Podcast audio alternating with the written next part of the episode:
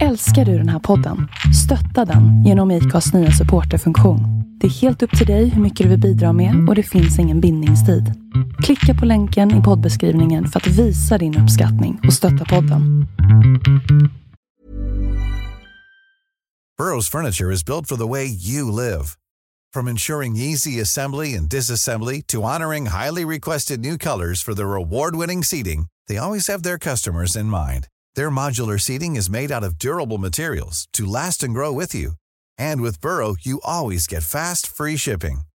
Get up to 60% off during Burrow's Memorial Day sale at burrow.com slash ACAST. That's burrow.com slash ACAST. burrow.com slash ACAST.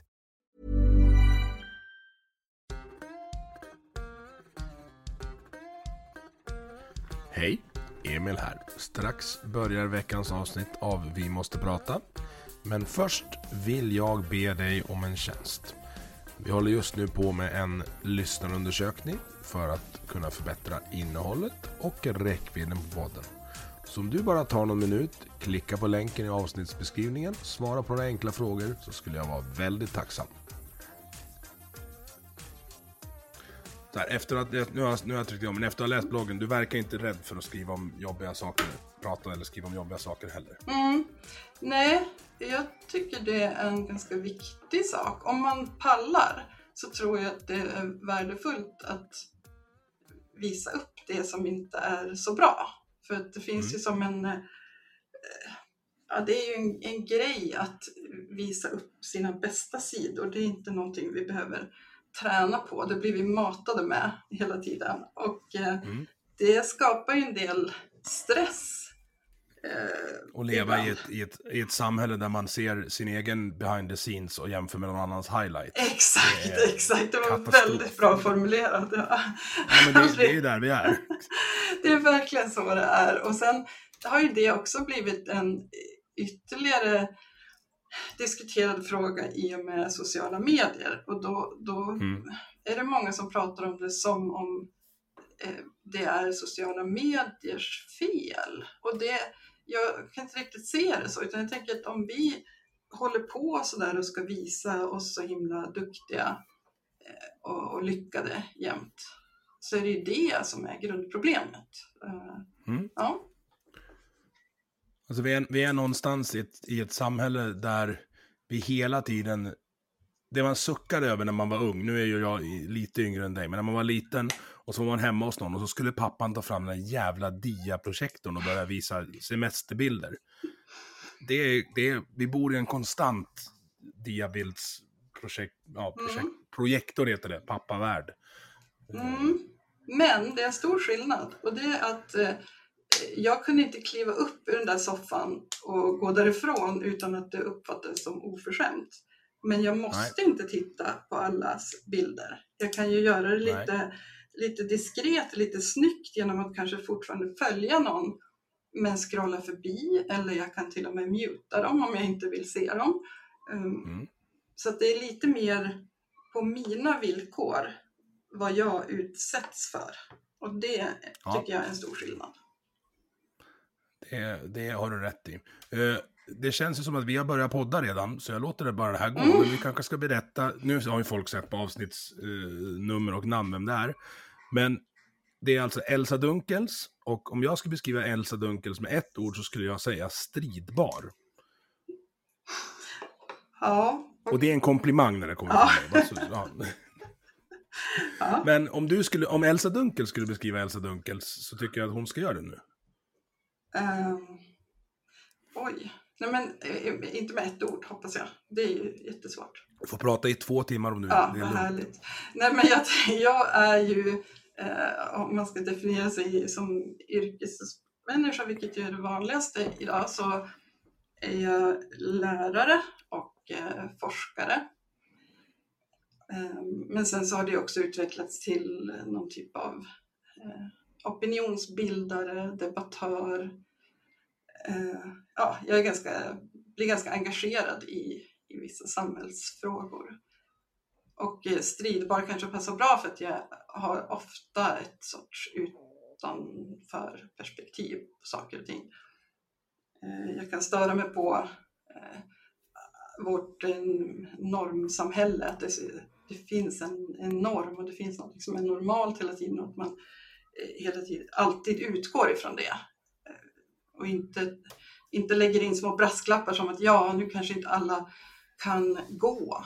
Eller, eh, alltså, det är hela tiden normen som ska diskuteras. Mm. Det där är intressant, jag hade tänkt komma på det på slut, men det här när, när normkritik blir normen så hamnar vi i någon slags cirkelsamhälle som...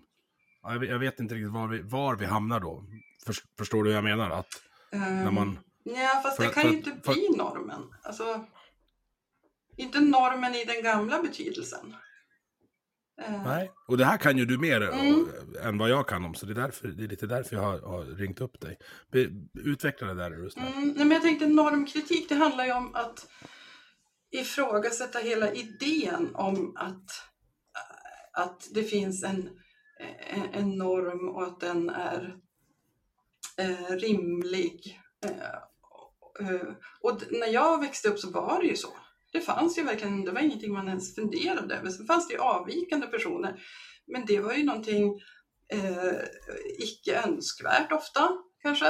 Mm. Eller någon, någonting som skulle rättas till kunde det vara. Skolan var ju ofta uppbyggd så, eh, delvis är den tyvärr fortfarande det, att, att man utgår ifrån, ja vad har du för eh, dåliga egenskaper, då ska vi fixa till det. Eller så här, diagnostiska prov, nu ska vi se vad du inte mm. kan och så ska vi fylla på det. Och, och, men i och med att, att de här smarta människorna började tänka och formulera sig kring normkritik så så, så kunde vi prata om det på ett annat sätt. Man, man förskjuter bilden helt och hållet. Man, vi, vi är inte ens längre där att vi ska ha en, en norm och att den ska bytas ut. Det är inte det det handlar om. Utan, utan eh, eh, målet är ju att, att norm inte finns. Och att man börjar betrakta mm. varandra som individer eller grupper. Det är inte så att, att alla är helt unika i alla Eh, sammanhang och så, utan det, att det här eh, ordet intersektionalitet är ju ganska centralt här, därför att det, det betyder ju en, en skärningspunkt, intersektion, mm. och då, då tänker man sig att vi allihopa står i olika skärningspunkter och några av de här är gemensamma för oss. Eh, vi kan till exempel ha samma eh, könsuttryck. Då är vi i den skärningspunkten. Men jag kanske har det av biologiska skäl och en annan person har det av andra skäl. Och sen ja, hudfärg och eh, erfarenheter och allting eh, formar oss. Och då det är ett, ett eh, inkluderande sätt att tänka på människor som, där det inte då handlar om att rätta till normen eller, eller, så här, eller vara tolerant som man sa förut. Man skulle vara tolerant mot varandra. Men vem vill bli tolererad egentligen? Det är ganska mm. obehagligt också. Finns det inte någon slags paradox där? För jag tycker, jag upplever i alla fall att samhället har blivit mer, om vi inte ska säga tolererande, men till, tillåtande då för, för individuella uttryck och, vad sa du, alltså avvikelser. Mm. Eh, samtidigt så pratar vi mer och mer om hur intolerant det är. Mm. Eh, är inte det lite konstigt eller mm. är det en Nej, naturlig jag, följd? Ja men precis, jag tror att det är så. Att det är en naturlig följd. Det, det är jobbigt för en del. Väldigt jobbigt. Mm. Och då menar inte jag bara de Alltså, ibland kan det kännas lite så här skönt. Ja, vad skönt att du får det jobbigt nu.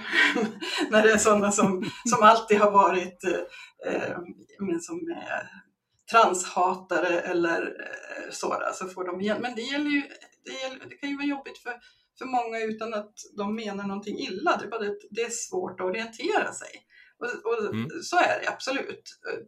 Och då kan det komma sådana eh, men en backlash, att det blir, ja, men som man kan se nu om till exempel transpersoner, att det, det är en del som liksom blir helt galna och, och drar helt vansinniga slutsatser av det här och, och, tycker sig dessutom ha någon sorts rätt att, att uttrycka sig om andras identitet.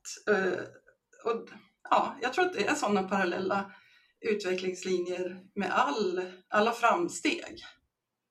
Fast där alltså, rätt att uttrycka sig. Om, om jag som då är väl att betrakta som, eh, ja, ska man vara snäll, cis-man, Mm. skulle man vara, vara raljant så är jag en medelålders vit svensk man och därmed ond, eller vad jag nu är. Eh, Jag, jag vet inte, och jag kanske har lite svårt att orientera mig i alla beteckningar och allas eh, personligheter och, och så. Mm.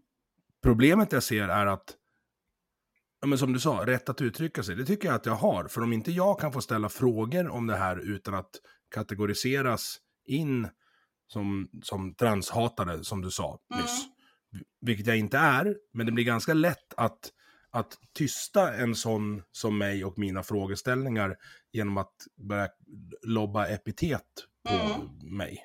Ja, absolut så är det. Och eh, alla såna här saker som kan ju användas åt olika håll. Det är ju verkligen Mm. så. Att ehm, Det är inte så att en, eh, om, om jag tar mig själv, att jag som uttalad feminist alltid måste svara på alla frågor och alltid måste utbilda andra som inte är det. Mm.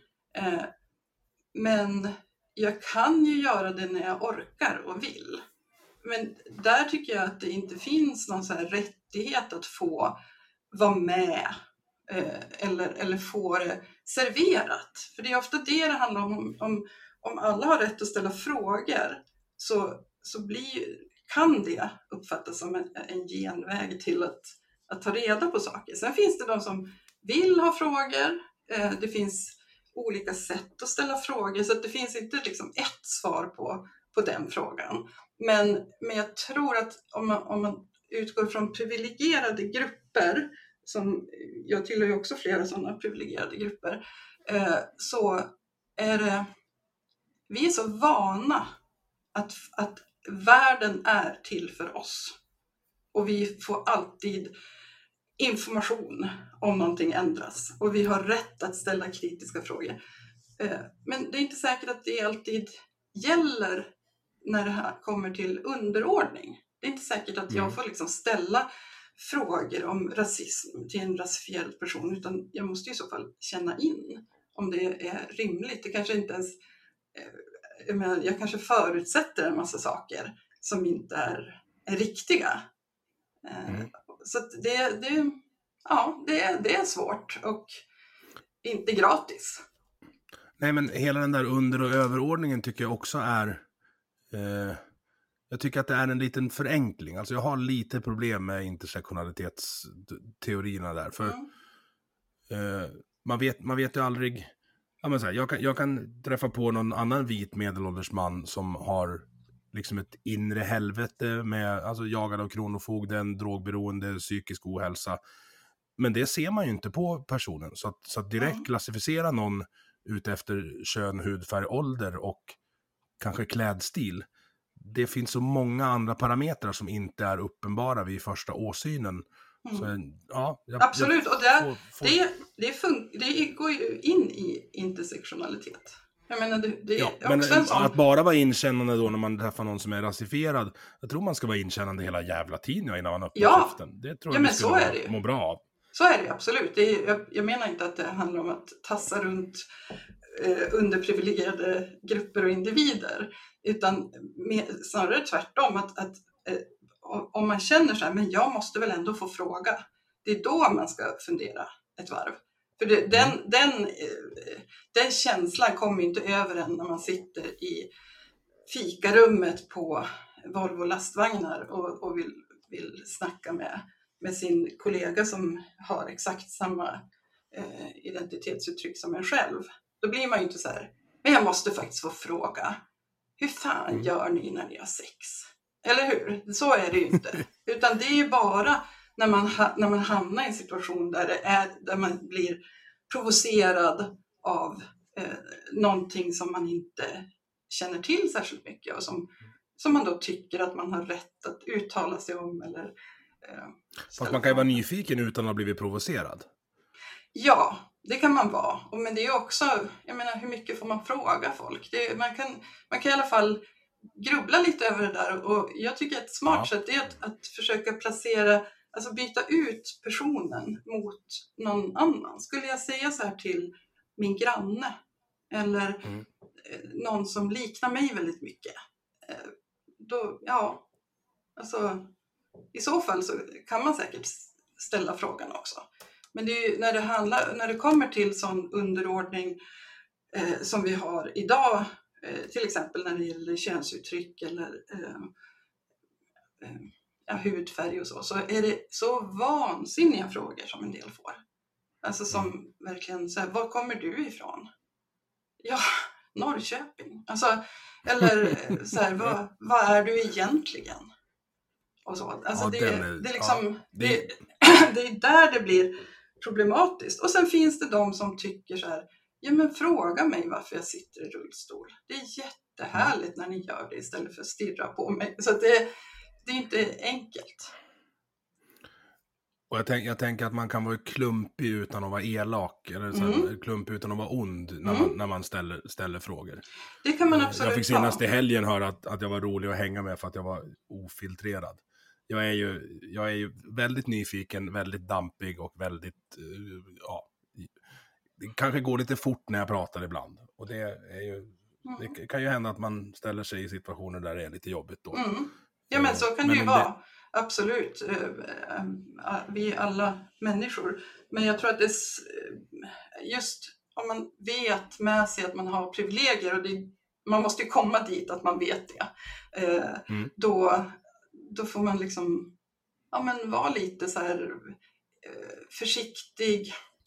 Det är också ett dumt ord, det är inte riktigt så jag menar utan ja, men ha respekt. sa du ju innan. Ja, precis. Och, ha respekt för att Eh, alla inte delar ens egna erfarenheter. Och också tänka på att det här kommer inte vara första gången som någon säger den här Nej. saken. Det är också någonting som vi ofta glömmer bort, tror jag. Eh, till exempel i debatten kring hat på nätet. Ja, men jag sa ju bara att hon var ful. Ja, men om det händer varje gång hon går in i det där spelet så kanske mm. det blir någonting annat. Säg, ja, men alltså, där är en sån uppenbar grej. Säg inte det. Aldrig någonsin. Mm. Säg inte det. Mm. det var... Ja, det är en mycket enklare fråga faktiskt. Man kan sammanfatta med att säga, var inte ett jävla rövhål om du kan undvika mm. det. Ja. Bra livsregel. ja, alltså Elsa. Ja. Jag vill gå tillbaka lite med till, eh, jag sitter och läser igenom mina anteckningar här. Eh, det här med att du är öppen med dig själv och att det när, när du skriver och berättar om även de, de uh, behind the scenes-delarna som vi pratade om. Mm.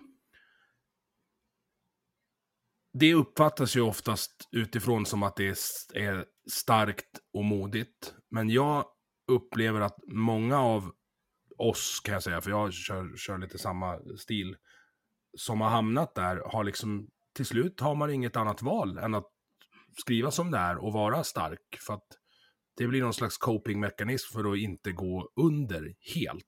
Mm. Och jag läste en, en passage här från, eh, jag, jag, citerar från, från din blogg. Eh, jag blev utförsäkrad första gången 2014. Jag hade då varit sjukskriven på halvtid fram och tillbaks i flera år. Handlägg handläggaren på Försäkringskassan sa att hon hade googlat min sjukdom och sett att den som får korrekt medicinering kan leva ett normalt liv. Så jag behövde bara byta jobb. Mm. Ursäkta, men vad är det med Försäkringskassan som drar till sig sådana jävla idioter? Ja, blir, ja, jag tror faktiskt att ja. det är värre än så, för att det finns ju eh, forskning på det här som, eh, där man har visat att, att det är systematiskt. Man har ju alltså hyrt in sådana här konsulter som ska lära upp eh, de här handläggarna och eh, cheferna. Hur, hur man ger avslag och i förlängningen har ihjäl folk? Är det det ja, man lära sig? Ja, men hur man får ner, det heter ju inte så, eh, det heter ju få ner sjuktalen. Eh, mm. Och hur det blir Försäkringskassans uppgift är ju en gåta. Inte, inte hjälpa folk att bli friska, utan, ja. inte hjälpa folk att bli friska, utan man ska åtgärda de statistiska siffrorna. Exakt. Mm. Mm. Så det, det, det, är, det är läskigt. Och det finns en en bok. Niklas Altermark är forskare och har tittat på det här och han har skrivit en bok, eh, mm, Avslagsmaskinen tror jag den heter, Verbal mm. förlag. Och det är en oerhört eh, bra och intressant bok men, men läskig. Alltså det är verkligen så här science fiction-känsla att gör de så här? Va? Det här är inte klokt och det här är vårt samhälle, våra skattepengar Mm. som vi pratar om. Mm. Det där är, det är ju min, den starkaste triggerpointen jag har i mitt liv är typ slöseri med allmänna medel. Jag blir Mm. helt, alltså jag blir rabiat. Ja, Det det är är- faktiskt läskigt. Ja, men om man kollar till exempel eh, Martin Borgs Någon annan betalar på YouTube brukar jag rekommendera. Mm. Alltså vad, vad kommuner lägger pengar på för att sätta kommunen på kartan. Så bara, Mm. vad, håller ni, vad håller ni på med? Mm. Vad, vad är ni för? Det ja. Eh, och det är, så, det är så kul, för jag, när jag läser, vad skulle man kunna... Skulle man kunna kalla dig för vänsterfeminism? Eller vad, vad fe- feminist? Eller, Ja, feminist är det- jag absolut, men jag är så dålig på det där med, med partipolitik. Det har aldrig, aldrig någonsin intresserat mig. Men, eh, Ja, men då, då, stannar, då stannar vi på feminism. Mm. För jag, Mm. jag, jag säger ju inte att jag är feminist, men jag är pappa till två döttrar och make till en fru och jag har en mamma och en syster. Så jag, alltså, jag vill ju att mina nära och kära ska växa upp i en ja, men, något rimligare värld för både män och kvinnor och övriga identiteter. Hur, men då är ju du feminist. Alltså, om du bara kan Ja. skriva under på att eh, män eh, och kvinnor eh, är lika mycket värda. Eller vi kan säga alla kön har lika stort värde och ska ha eh, samma rättigheter. Kan du skriva under på Ja. det, då är du feminist per definition. Sen finns det ju många olika feminismer och det ställer ju till problem och ibland så, eh, ja men så en del kan känna så här, men alltså de här jävla feministerna. Men då är det någon sorts fem, gren av feminismen, för vi kommer inte, vi är ju inte likadana allihopa. Eh, Särskilt Nej. inte om vi ska räkna in hela den delen av jordens befolkning som tycker så här om rättigheter. Då är vi inte lika. Då är vi plötsligt eh, alla de här partifärgerna och allt det där. Så Mm. det tycker jag nog att det vore, jag tycker det vore jättebra om, om fler bara liksom kallade sig feminister och, och sa att det är det här det handlar om, punkt. Ja, men jag, jag upplever att den, den typen av, av Säg att jag är för jämställdhet då. Eller jag är Mm. för lika villkor. Mm. Eh, det... Nu ska, jag få, nu ska jag försöka vara så politiskt korrekt jag kan. Men så här, när, när, när jag får se eh, ja, det här episka klippet från, från FIs första partistämma där de har någon rap om, om alltså uttalat manshat, Mm. då tappar man ju mig. Alltså när jag, när jag får reda på att jag är orsaken till, till allt det onda medan jag försöker att göra så bra liv för framförallt min, min familj. Då, Ja. nej men sorry, då, då kommer jag kämpa på för min familj så får ni, så får ni ha era, era konvent Ja, fast jag vet inte varför du skulle tänka att det handlar om dig. För att det, det där är ett, ett, ett problem, Blev jag tror jag, inte som... alla män-man nu helt plötsligt? Fan. Eh, ja, lite faktiskt. Ja. Det finns Ja. någonting i den där, även om, om man säger det ofta på skämt. Så det, och jag tror att det hör ihop med privilegier. Att är man privilegierad, då är man så van att det handlar om en själv. Att livet Mm. handlar om en själv. Att livet bjuder in till just mig. Eh, Mm. Och inte de flesta andra. Och eh, man, man kan ju tänka så här, så jag, jag kan ofta jag skulle kunna presentera mig så att jag när ett glödande manshat. Men egentligen så, så skulle jag, jag skulle kunna formulera om det och säga att jag, jag är så fruktansvärt trött på toxiska maskuliniteter. Mm. Det där är ju ett uttryck som är ganska så nytt, så jag hade inte det tidigare. Jag tycker det oerhört värdefullt att ha det. För det är ju inte män jag hatar. Jag, har ju, jag är ju gift med en man, jag har tre av mina barn är män. Det är liksom självklart, det har aldrig ens varit en fråga i den här familjen eh, att, att någon av dem skulle säga så här, fast jag då? Jag är ju inte sån. För att de räcker inte upp handen och, och eftersom de också tänker som jag så skulle Mm. de inte ta åt sig liksom, och säga menar du mig? Utan då tänker man liksom att det är någon, någonting utanför en själv och att, att nu vet inte jag, jag har ju inte testat att vara man, men, men idealet skulle jag kunna tänka mig att i så fall skulle jag säga så här, ja jag med. Jag hatar också män på det sättet som jag förstår att du menar. Alltså män Mm. som tar en jävla plats. Mediokra män som går före fantastiska kvinnor i karriären, allt det här. Eh, det är det som man pratar om, inte män i sig. För det vore ju sexism såklart. Får jag utmana dig lite här? Mm. Eh, jag tror att det... Om folk, när folk ser mig så ser de nog en, en eh, ja, jag skulle nog vara borderline toxisk eh, maskulinitet. Stor, skäggig, stökig, högljudd. Har haft en viss tendens att hamna i, i bråk genom åren. Men, när jag, när jag växte upp, till skillnad från som jag ser nu, mina liksom yngre kompisar som är i, ja, så här, runt 20. De männen i min generation, jag är född sent 70-tal, eh, som, som vi märkte var på väg att bli, eh, liksom, ja men för, för att ta en anglo, alltså rovdjur. Alltså Mm. de som var så här, på gränsen till att det du håller på med mot tjejer, så, kan, så beter vi oss inte. Mm. Då fick ju de stryk bakom krogen. Mm. Och så gjorde inte de det igen. Mm. Och det, det finns ju inte längre, för nu, nu eh, jag vet inte riktigt var jag är på väg, men jag tror att det var nog bra att vi idkade kamratuppfostran då. Jag har också betett mig som en idiot och åkt på spö. Och då Mm. bara, ja, ja, okej, så här kan man inte göra. Eh, man måste konsekvensutsätta folk när de är dum i huvudet, tänker jag. Mm. Mm, Ja, men jag ska, det har ju hänt andra saker. Eh, Det finns ju en, ett sätt att prata om, eh, om de här sakerna som inte fanns på den tiden. Det, Mm. det fanns ju absolut inte ens ord för det. Och det var ju, alltså hela metoo tycker jag var ett kvitto på att, att vi behövde ord för det. eh, Eftersom det dök upp så många berättelser från um, ja, men till exempel från äldre kvinnor som aldrig hade berättat för att de Mm. inte visste vad det hette ens. Och, eh, och när man då inte har de där orden så kanske det blir just det här kamratuppfostran som är lösningen. För det är väl klart att eh, i slutändan blev det ju bra då om de eh, skärpte till sig. Men frågan är varför skärpte de till sig? Alltså för att Mm. inte få stryk.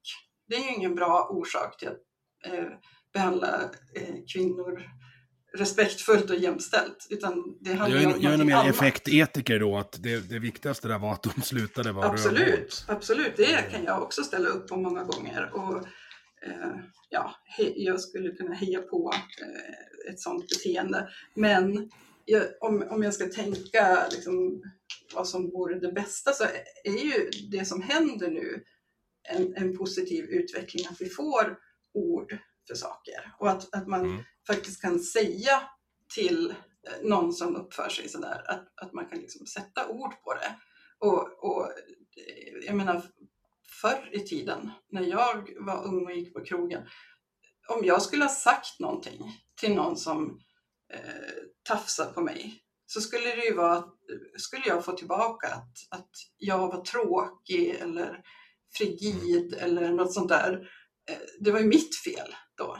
Och det kanske inte är lika eh, starkt eh, idag, utan idag kan det finnas andra sätt. Och, och, Mm. och det behöver inte heller vara så att det kommer en, en riddare och slår på någon bakom eh, hörnet, utan det kanske är fler tjejer och kvinnor som, som har möjlighet att, att stå upp för sig själva också.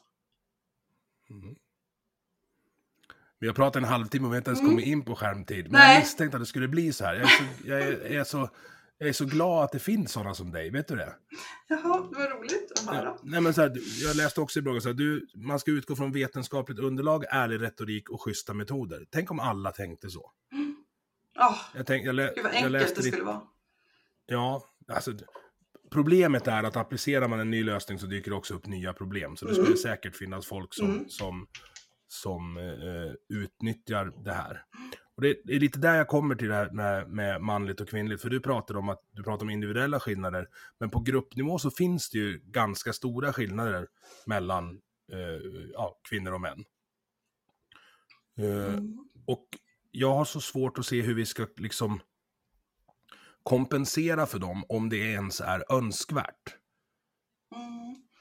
Ja, men du om jag, det? jag tänker så här, den här intersektionella idén, där, då blir det ju det, då blir det så uppenbart att det är inte det är inte den ena eller den andra underordningen som är avgörande. Sen absolut att vissa är mer eh, genomgripande och så. Um, till exempel ålder när det gäller en nyfödd och en vuxen så finns det ju alltså rent biologiska skillnader som inte går att, att bortse ifrån. Mm. Men i övrigt så är det väldigt mycket som är eh, konstruktioner. Eh, alltså det är helt, när man tittar på vad, hur vi egentligen, eh, hur vår perception egentligen fungerar, så är vi extremt dåliga på att ta in verkligheten omkring oss.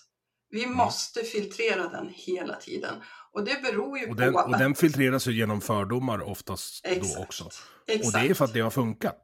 Ja, och det är också för att våran hjärna skulle inte orka med. Om vi var tvungna Nej. att nyorientera oss varenda gång så skulle vi bli tokiga på 20 Ja, här, minuter det- ungefär.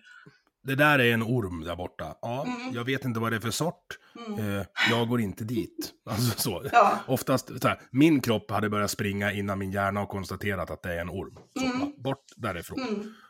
Och det är rätt bra, för då Mm. blir man inte ormbiten. ja precis. Att det är ju så att, att det är eh, en, en sån här naturlig överlevnadsgrej Mm. att vi har en massa fördomar och att vi filtrerar bort att tänka att oj, nu går jag på golvet. Eh, Mm. och jag har väggen till höger om mig. Det, det skulle ta upp för mycket energi. Men Jag är livrädd ju för folk inte- som säger att de är fördomsfria. Alltså är livrädd. Ja. De är oftast, de är oftast värst. Det är värsta typen av Ja, men, och det är kanske liksom det första steget, att, att inse att man har det. Och att, att förstå att vi människor är så här. Och jag tycker det är jättenyttigt att det finns en del ganska så här lättillgängliga studier eh, på sånt här. Och det handlar ofta om psykologiska experiment där man har låtit folk kanske läsa ett uttalande och så får de veta att, att det här är en man som har sagt det eller det är en kvinna och så ska de bedöma uttalandet.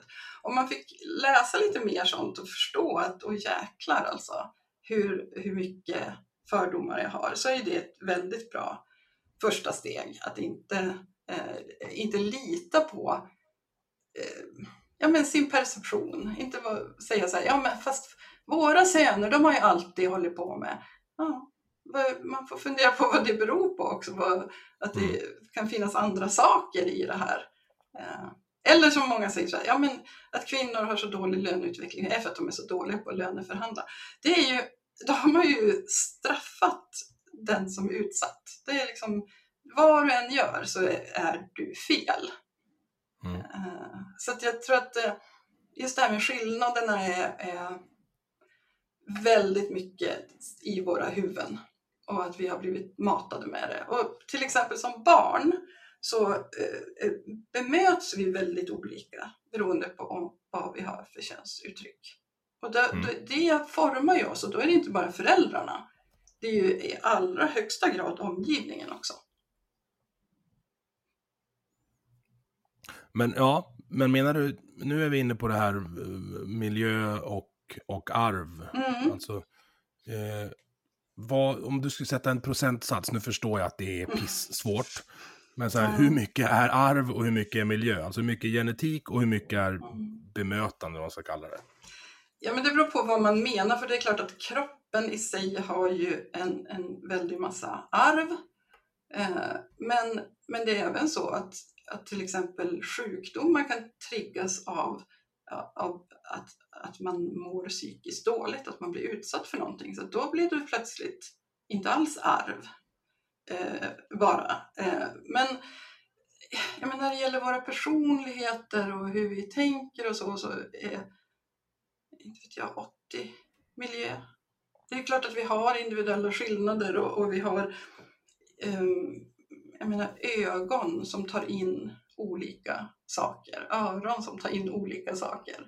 Det spelar ju roll. Men, men det är så mycket som grundas på hur vi blev bemötta som barn framför allt. Mm. Men även eh, senare skola, yrkesliv och så. Jag har, jag har ju som sagt två, två eh, döttrar. eh, fem och sju. Eh, jag tycker att jag ser skillnad i hur de ja, men, agerar med, med sina jämnåriga eh, pojkar. Mm. Och där har du ju du har en, en mognadsprocess som tenderar att vara lite annorlunda mellan tjejer och killar. Eh, och du har, ja, men så här, du har de, de fysiska skillnaderna också. Och Mm. när... Jag försöker få, få det här att gå över till löneskillnader, men jag hittar ingen segway, så jag går direkt på löneskillnader. Mm. Jag, jag läste någonstans en teori om att en av anledningarna till eh, skillnader i lön mellan, mellan kvinnor och män över livet är att, och jag, jag vet inte vad jag tyckte om det här, men jag tyckte att det var en intressant frågeställning, jag provar den på dig. Att det handlar om eh, rättigheten eller möjligheten att föröka sig. Att, att kvinnorna har, har makten över reproduktionen i och med att de, de väljer män, men att eh, välja ut vilka män som det är bäst att låta gen, alltså bäst att avla på då, i brist på bättre, bättre. De har lagt ut det på entreprenad till männen. Att männen får tävla mot varandra och sen ser de då beroende på, ja men så här, bilar, muskler, pengar, sätt att föra sig. Ja men den killen Mm. ska, vi, ska vi liksom eh, ta med oss hem. Ja, alltså jag, det, det kan ligga någonting i det i alla fall. Jag tyckte det var en det spännande finns, sätt ja men det. kanske så här från, från, från början, men vi lever ju inte i grottor längre. Så att vi har ju utvecklats i, i, i sättet att tänka och, och hela den där teorin, det finns ju massor med sådana teorier och framförallt så finns det en massa eh, amerikanska författare, journalister, psykologer som skriver hela böcker om sådana, Mm. eh, om varje sån Nå, teori. någon kanadensisk också kanske? Ja, precis. Ja. Men det är väldigt, väldigt populärt med, med sånt. Och då kan man, eh, om, om man kan ringa in sitt eget sätt att leva i det här så blir det ju ett sätt att ta skulden från sina axlar och, och säga ja men det här är naturligt och, och så har det alltid varit. Men jag vet inte, det, det, den bygger ju på då att eh, män är ute och jobbar och skaffar statusgrejer och kvinnor är de som tar hand om barnen. Det finns ingenting inbyggt i, i det. Alltså det är inte så att, att kvinnor är de som ska vara hemma med barnen när de är små. Den, det är ju inget eh, gudagivet. Så att i, i en sån relation där eh, pappan delar på, totalt delar 50-50 på ansvaret eller kanske tar över helt och hållet och det är kvinnan som eh, går ut och jobbar, då gäller ju plötsligt inte den där teorin överhuvudtaget. Den, den har ju ingen bäring på en sån relation. Så att ja, jag, tycker den är rätt eh, Men applicerar du inte individuella relationer nu på gruppnivå? Alltså jag, jag tycker att det är uppenbart att kvinnor på gruppnivå är mer omhändertagande och intresserade av relationer medan män på gruppnivå är mer Mm, intresserade absolut. av, av prylar och ingenjörskonst eller vad vi ska kalla Så, det. så kan det vara i, i, i, de, i många sammanhang, men det är absolut inte så att, att det gäller för alla. Och, och sen är den viktiga frågan är, var kommer det därifrån? Och Mm. jag vet ju att, att eh, det finns ju språkvetenskaplig forskning som visar hur, hur vi pratar med barn utifrån vad de har för könsuttryck. Och till exempel så pratar man, man, man uppfostrar flickor i en eh, tajtare miljö, till exempel i ett rum, gärna köket, när man, när man då gör det här Mm. uppfostringsarbetet. Medan pojkar och, De släpper man ut i skogen. Ja, men man, man uppfostrar dem i, gärna utomhus. Kanske på en fotbollsplan eller i skogen som du säger. Och, Mm. ehm, ja, men det är bara en, en sån skillnad. Men också så här att vi, vi har större krav på flickor, nu, nu generaliserar jag såklart, Mm. eh, att de ska vara omhändertagande, att de ska tänka efter. Är det någon annan som inte har fått en kaka innan jag tar den andra kakan? Mm. Och de små grejerna kommer ju att, att eh, förstärkas och fortplanta sig i den här flickan. Eh, som leder till att hon har tränat sig i att vara omhändertagande. Hon är väldigt duktig och uppmärksam på sin omgivning. Eh, medan en pojke som inte har fått den typen av uppfostran utan som har varit så här, ja men absolut vill du ha en kaka till, vad roligt att se dig äta Mm. så mycket. inte kommer att träna upp de förmågorna utan tvärtom vara lite så här att jaha, är det någon som har någonting till mig här? Hallå? Här kommer jag. Mm. Och nu råkade jag, jag kissa på golvet. Här är det någon som tänker torka upp det. Alltså den, den uppfostran är ju helt annorlunda. Och leder Klart kanske du ska till... ha en kaka och sen ska du gå ut och backa med släp. Jag skiter ja. att du är åtta år gammal. Ja, ja. Jag, fattar, jag fattar precis. precis. Ja, och den det... grejen, den spelar ju roll vid en löneförhandling. Till exempel. Ja. Också. Men, men, men sen är det också just det där med löner. Det finns ju också studier som visar det här med att män väljer män. Och det är också så att mm. kvinnor väljer män. Alltså kvinnor i höga positioner väljer män. Jag, jag kommer ihåg när jag började motarbeta de där tendenserna hos mig själv, hur svårt det var. När jag, när jag fick frågor så från folk, har du någon, någon bra tips på någon forskare som kan det här och det här? Så kom jag alltid med män som tips. Och jag, jag sa, mm. sa till mig själv, men det finns ju inga kvinnor. Nej, men det var ju för att jag inte letade. Det fanns hur många som helst, men då var jag tvungen att aktivt leta och det var svinjobbigt och det tog jättelång tid. Men till slut så såg jag, men oj, oj, oj, henne känner jag till och med. Varför tänkte jag inte ens på henne? Det beror ju på att jag har blivit uppfostrad att män eh, har någonting viktigt att säga ehm, och kvinnor kanske inte alltid har det. Jag tänker, vi pratade om lö lön där. Jag tycker att oftast blir den debatten lite platt. För man använder bara pengar som benchmark och mätverktyg för att mäta framgång. Alltså det finns ju framgång på så många andra mm. plan än just mon det monetära planet. Mm. Eh, vi, vi här hemma har, alltså jag har gått ner i tid för att ha mer tid hemma med ungarna. Eh, vi har anpassat frun, Therese, min frus eh, jobb så att hon också, hon, hon jobbar natt vilket gör att vi har fri vecka, eller hon har fri vecka och då försöker jag vara ledig så vi kan vara hemma eh, var tredje vecka och liksom Ja, mm. så här, ett sportlov med minstingen var tredje vecka, det är ganska jämnt. Det, mm. det, det, är lyx. Mm.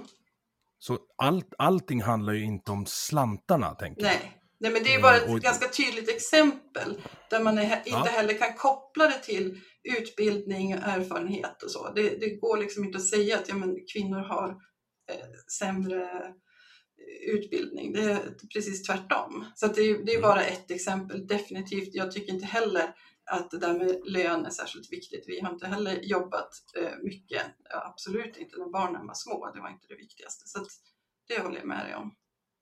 Men vad jag förstår nu så är det ju fler kvinnor som går vidare i högre studier, alltså universitet mm. och uppåt, mm. än män. Mm. Det borde ju få utslag över, alltså, över, en, över längre tid. Nej, det har varit det, så länge. Jag tror inte det kommer göra det. Det har varit ja. så länge, men det ger inget som helst utslag. Eh, okay. Det här, eh, alltså jämställdhetsarbetet, det går så långsamt så att eh, det är inte ens så att när man mäter det här, alltså nu tar jag, går jag tillbaka till lön bara för att det är ändå ett, en, en mätare som det går att mäta. Eh, mm. Så eh, vissa år så går det inte ens framåt. Utan det kan till och med gå bakåt ibland. Eh, så att nej, det, det, det, är inte, det, är inte så, det är inte det som är grejen. För om det var så att ifall fler kvinnor bara tog sig igenom högre utbildning så skulle det bli bättre. Så då är det ju någonting. Då är det ju en brist hos kvinnorna som ska åtgärdas. Och det, det är inte det som är grejen, utan det är ju ett, ett system som eh, eh, förminskar kvinnors erfarenheter och kunskaper. Det är det som är det stora problemet. Ja, och jag, alltså jag vill ju inte att mina tjejer ska växa upp och bli, bli förminskade. Jag Nej. kommer, det, eh, de, de uppfostras till att ta för sig. Det kanske är bra att jag bara har döttrar då, så att jag inte kan göra skillnad, utan det är så här, full fart framåt. Så länge eh, du inte kan bryta något mer än ett ben och det inte är fängelse i straffskalan så är allt okej okay med pappa. Kör på. Mm.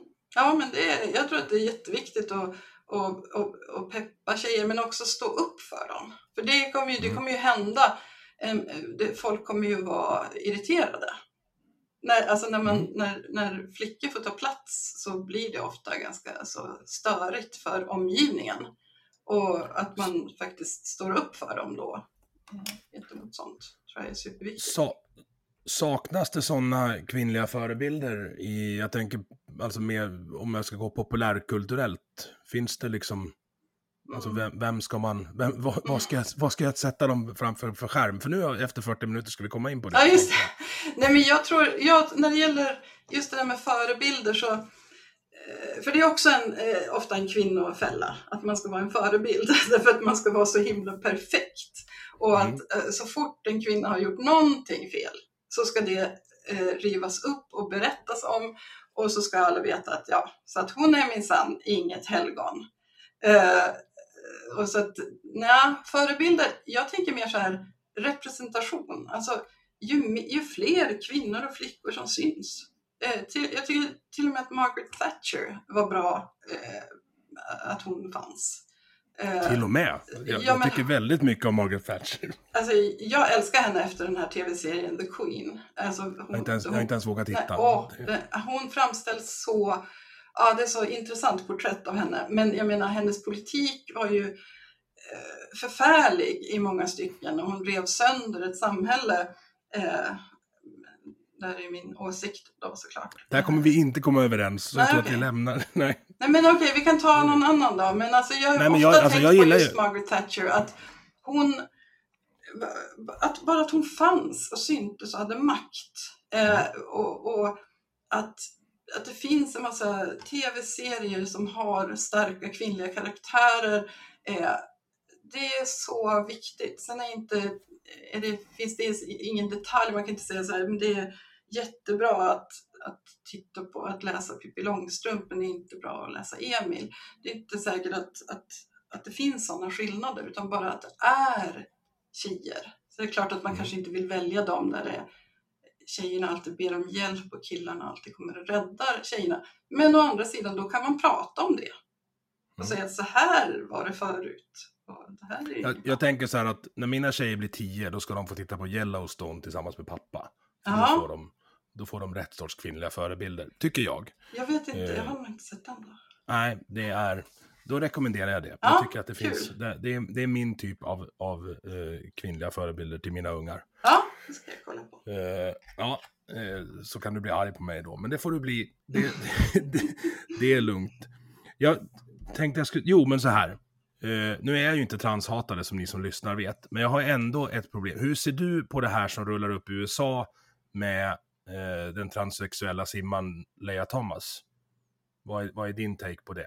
Ja, vad tänker du om, om att folk... Nej, jag, jag tänker på- bara på, på ja, men att eh, någon som byter kön i vuxen ålder och sen pulveriserar eh, de andra eh, tjejerna i simtävlingar. Jag tycker att det är lite drygt, måste jag säga. Ja, men alltså jag, nu kan inte jag detaljerna i hennes ehm, eh, resultat, men jag vet ju att många av de här fallen som har lyfts upp har varit ren och skär lögn. Det är, liksom, det är inte ett, ett generellt problem att eh, transmän har bättre resultat än de som föddes som man. Det är, det är inte ett generellt problem. Men det är väldigt tacksamt att plocka fram om det finns sådana exempel. Mm. Och, och det, det gäller all den här kritiken kring eh, eh, transpersoner. Att, att man kan absolut hitta fall, eh, det är jag helt säker på, som, som illustrerar varje sånt här problem som de brukar lyfta upp. Men är det ett generellt problem?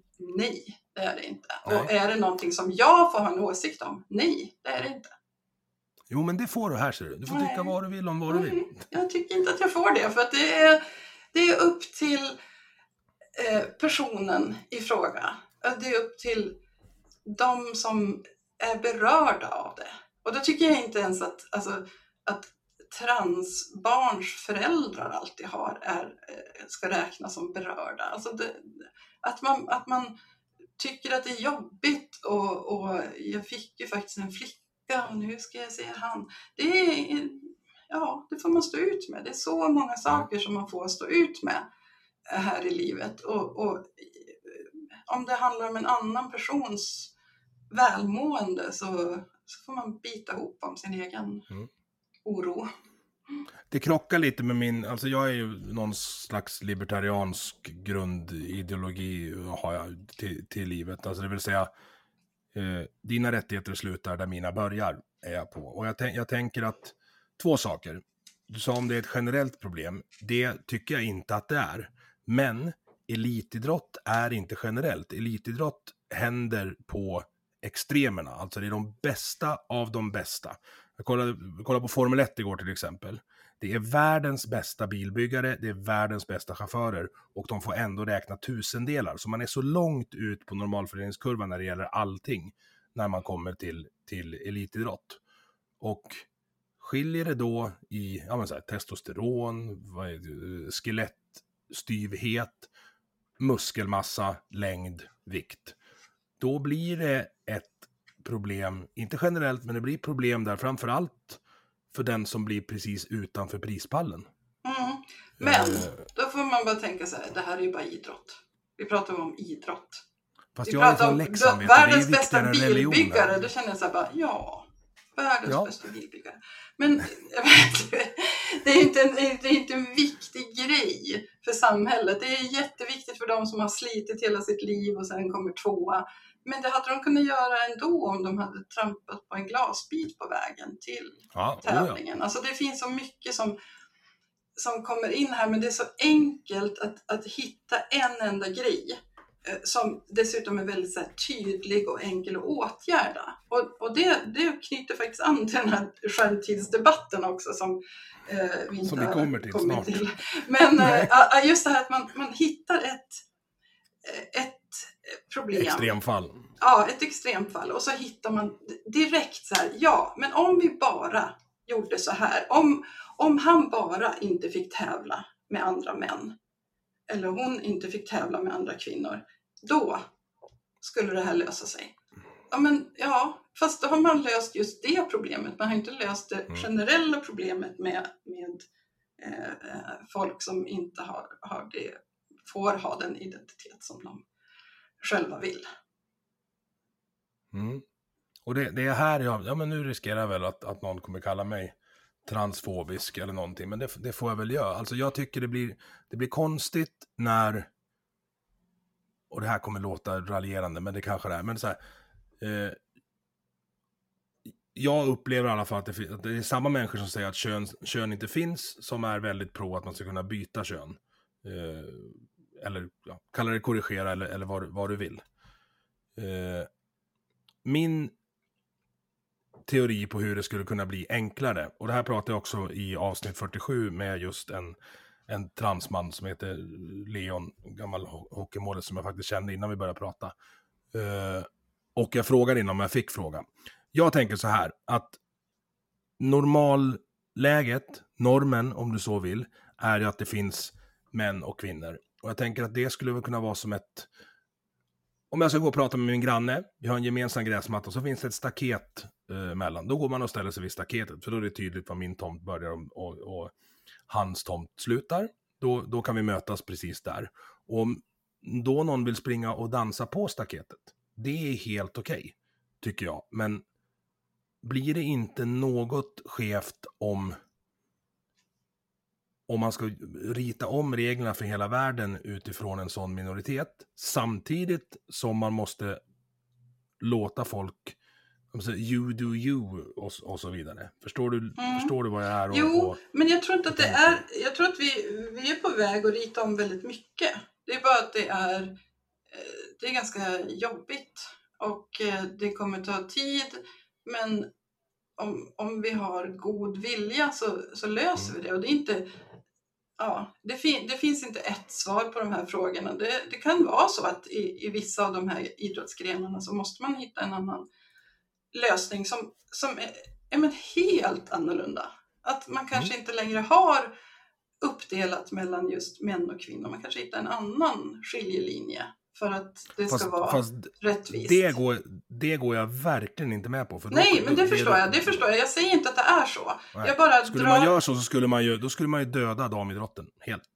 Ja, det tror jag inte alla Ja, håller med om. Men, Men, men eh, bågskytte skulle vara kvar, men resten skulle Nej. ba, bara Ja. karlar. nu är jag helt fel person att prata Nej, jag- idrott med för att jag tycker att det är så jävla löjligt att man ens gör det till en viktig fråga för det är bara idrott. Det liksom, och till det och, med, Umeå? till och med att det sitter vuxna människor framför tvn och tittar på när andra idrottar. Det är ju superbra med idrott. Men det är ju när man gör det själv. Inte när man tittar på någon. Men ja, ja, det är ju för att jag inte förstår det där. Så att jag ska inte, Nej. därför ska, Jag ska inte ta jag med- uttala mig om det. Du kan få följa med mig på hockey någon gång så du får se hur roligt det är. Oh, jag har varit på hockey, det var inte kul så att jag vet redan. Ja, nu tycker jag du är lite trångsynt. Ja, det är jag när det gäller idrott, absolut. I Umeå, det är jätteroligt. För där tas det ju på allvar. Ja, och det är kanske därför som jag tycker det, jag tycker det är jättelustigt att se vuxna människor som faktiskt bara pratar med så här upprörd röst om någonting som bara är en lek. Ja. Det är, ja. Det där, där kommer vi inte vara överens. Men jag tror, att vi, jag tror att vi lämnar den och så tar Mm. vi in oss efter en timme på Mm. ämnet som, som vi skulle prata om.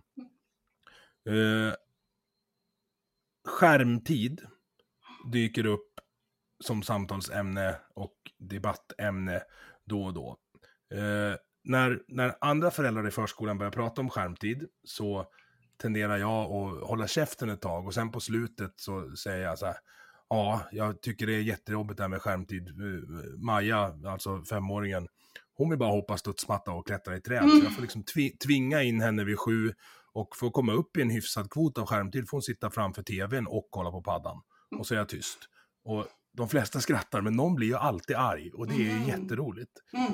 Originaltrolling, liksom Mm. så. Mm. Eh, Det, det tycker jag om. Men du är aktiv i skärmtidsdebatten.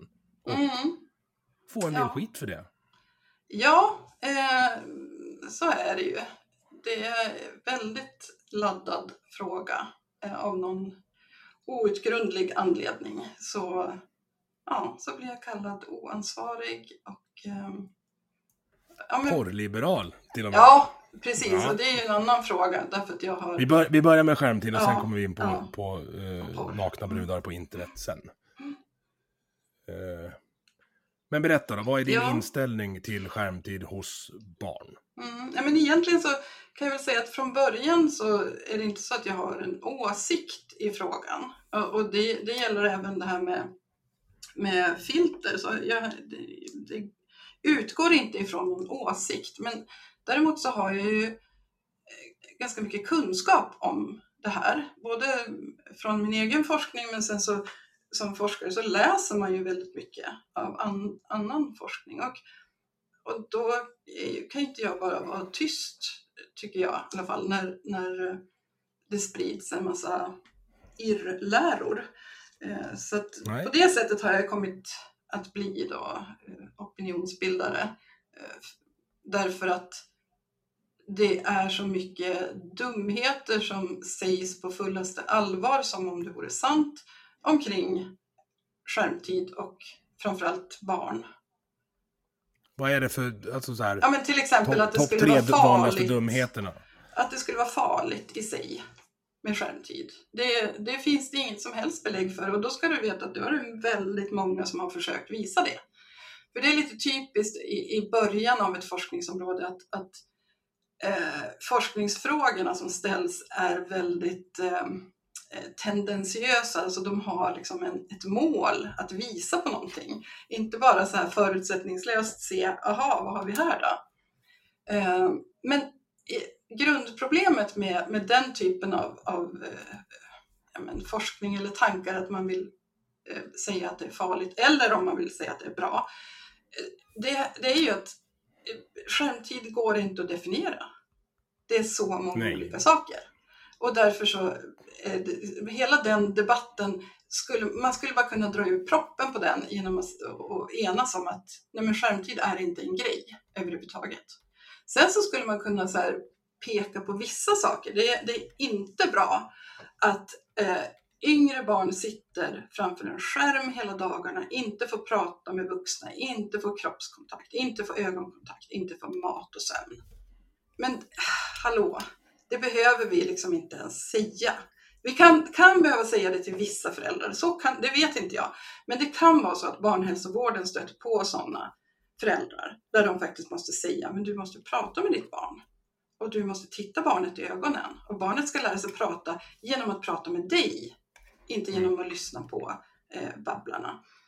Eh, det, så, så det kan finnas sådana extremfall, men då är ju det barnhälsovårdens eh, ansvar att identifiera dem. Det finns inget generellt problem med att, att eh, alla yngre barn eh, saknar ögonkontakt och att deras synapser blir, alltså det är så mycket sånt där som är ren humbug som mm. det pratas om. Så det, det är det riktigt allvarliga. Men var kommer det ifrån? Alltså varf, varför driver folk den ovetenskapliga tesen? Mm. Ja, men de kallas av, av eh, vissa forskare för eh, entreprenörer i moralism och alarmism.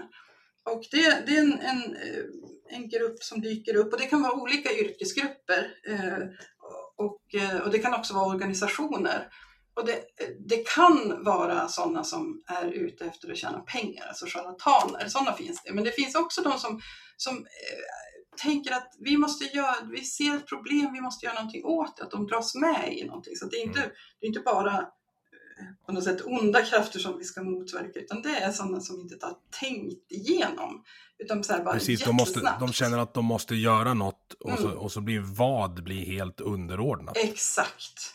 Vi måste göra någonting åt det här som händer med barnen. Och istället för att göra en, en analys som bygger på eh, eh, väldigt mycket information så går de på ofta så här anekdoter. Men anekdoter är ju inte data i sig. De kan ju vara datapunkter, alltså del i data. Men bara för att jag tycker mig se att, att eh, min grannes barn inte gör någonting vettigt utan bara sitter och, och, och spelar då, det betyder ju inte för det första att jag har sett rätt, att jag vet att det verkligen händer. Och det betyder inte att det är ett generellt problem. Utan det betyder att du ska istället... prata med grannen. Ja, men man måste, man måste antingen gräva i det här då, eh, förutsättningslöst. Eller så får man bara backa och tänka så här, det här är någonting som jag inte förstår. Och, och försöka men, ta in. Det, det, det, borde folk göra generellt, bara mm, fatta. Mm. Eh, eh, vad heter det, Dunning-Kruger och så vidare. Mm. Eh, ja men precis, och, och, så att det här, jag känner inte igen det här och jag känner mig lite hotad. Det är ju ett, ett problem också. Att, att eh, man kan se att personer som har investerat mycket i nutiden, eh, som till exempel har skaffat sig en hög utbildning eller har en position i samhället, har, eh, är mer benägna att vara kritiska mot det nya och känna sig hotade av det nya. Eh, och, och, det är en, en, osäkerhet. Det handlar inte om att, att de faktiskt är hotade. Om, om, om jag är, att jag är utbildad lärare och elever idag kan oändligt mycket mer än jag kan lära dem när det gäller engelska eller samhällskunskap till exempel. Det är inte ett hot mot mig egentligen. Men jag skulle kunna se det som ett hot om jag, om, om jag ville, om jag var osäker på min position. Då får jag ju bara bidra med någonting eh, som kompletterar deras kunskaper. Så tänker jag istället. Och, Då måste ja. du anpassa dig, är inte det lite mm. jobbigt? Mm. Och där har vi nyckeln till det här. Det handlar ju om att alltså, om, om vi ska gå framåt som samhälle eh, och alltså ta, inte ta vad brukar man säga, två steg framåt, ett steg bakåt, utan vi ska faktiskt gå framåt. Då måste ju även vuxna anpassa sig. Eh, och det är så himla lätt att peka på saker som barn och unga ska ändra på eh, när man har identifierat ett problem. Och man har inte gjort en analys av vad problemet beror på. Till exempel, eh, och, alltså om jag hade en krona för varje gång någon har sagt så här, ja men barn idag kan ju inte stava ordentligt. Eh, alla, går, alla går inte igenom skolan med godkända betyg. Eh, och sen så säger de att det har med, med internet att göra. Eh, jag skulle vara miljonär vid det här laget om jag kunde få en krona för varje sån där eh, påstående. Men för det första så, eh, sånt går ju inte så fort. Att barn inte kan stava idag, eh, om det skulle vara så, att barn inte kan stava idag så är det en längre utvecklingslinje så att vi måste titta bortom bara skärmar. Vi måste titta vad har hänt i samhället? Ja, till exempel så har vi haft neddragningar i skolan, rejäla sådana. Alltså det var, eh, när jag gick i skolan så var det, skulle det ha varit otänkbart att inte ha en skolsköterska på skolan på heltid. Att inte ha tre vaktmästare som drog omkring i korridorerna och, och eh, åtminstone syntes eh, för eleverna och så vidare. Det är så mycket som har hänt när det gäller eh, välfärd. Det alltså skulle alltså det ta Det där slår så hårt mot mig som, som liksom så här, sen, så här, vuxendiagnostiserad med ADHD och ett helvete mm. genom skolan. Mm. Jag behövde vaktmästare och slöjdlärare för att, alltså för att mm. överleva. Mm. Jag har först i efterhand fattat hur viktiga de, de var. Liksom. Jag kunde mm. inte identifiera mig. Och som sagt, jag är, är, en bit över 40 nu, men du vet när jag sprang in i en så här 110-årig eh, lärarinna med fotsidkjol och tramporgel i trean. Mm. Det tog tvärnit, alltså verkligen mm. tvärnit. Då var det rätt bra att ha en, en gympalärare som i varje fall pratar samma språk som mig, som mm. man kunde liksom ha som delmål den dagen. Mm. Eh, ja, men nu har det... man inga vaktisar. Alltså de Nej. jobbar centralt inifrån kommunen och åker ut och byter glödlampor. Det är Precis. fullkomligt vansinnigt. Ja, och, och, att man har dragit ner på, man kan ha en skolpsykolog som åker omkring och en och en halv timme på skolan eh, i veckan och så. Och alla de här sakerna, eh, det är så konstigt därför att det sammanfaller med en tid då vi vet mycket mer än man visste mm. tidigare. Jag menar, det var inte ens... Eh, när du gick i skolan var det inte ens eh, tal om att man skulle titta efter vissa diagnoser och kanske förklara nej, nej, nej. det på det sättet. Så att, och men framförallt fanns det ingen skärmtidsdebatt. Vi hade flanellograf. Liksom. Ja. ja, den har faktiskt inte varit utsatt för panik, just flanellografen, så vitt jag vet. Men annars så har ju varje sån här ny teknik varit utsatt för precis samma panik. Ja, det ja, att kolla på TV är... i skolan. Ja, jag tycker att det är alltså, ett jätteviktigt den... argument att det här har vi sagt förut. Inte, inte kanske just jag, men kanske för, min föräldrageneration sa samma sak om någonting annat. Och när, när man kan se det genom historien, det är exakt samma argument, så är det, tycker jag i alla fall, ett väldigt eh, viktigt argument för att inte göra samma sak igen. Vi kan inte mm. liksom, upprepa historien, vi har inte, vi har inte råd med det. Vi, vi behöver våra resurser till någonting viktigare än att bara liksom springa in med huvudet före i elementet om och om igen. Mm.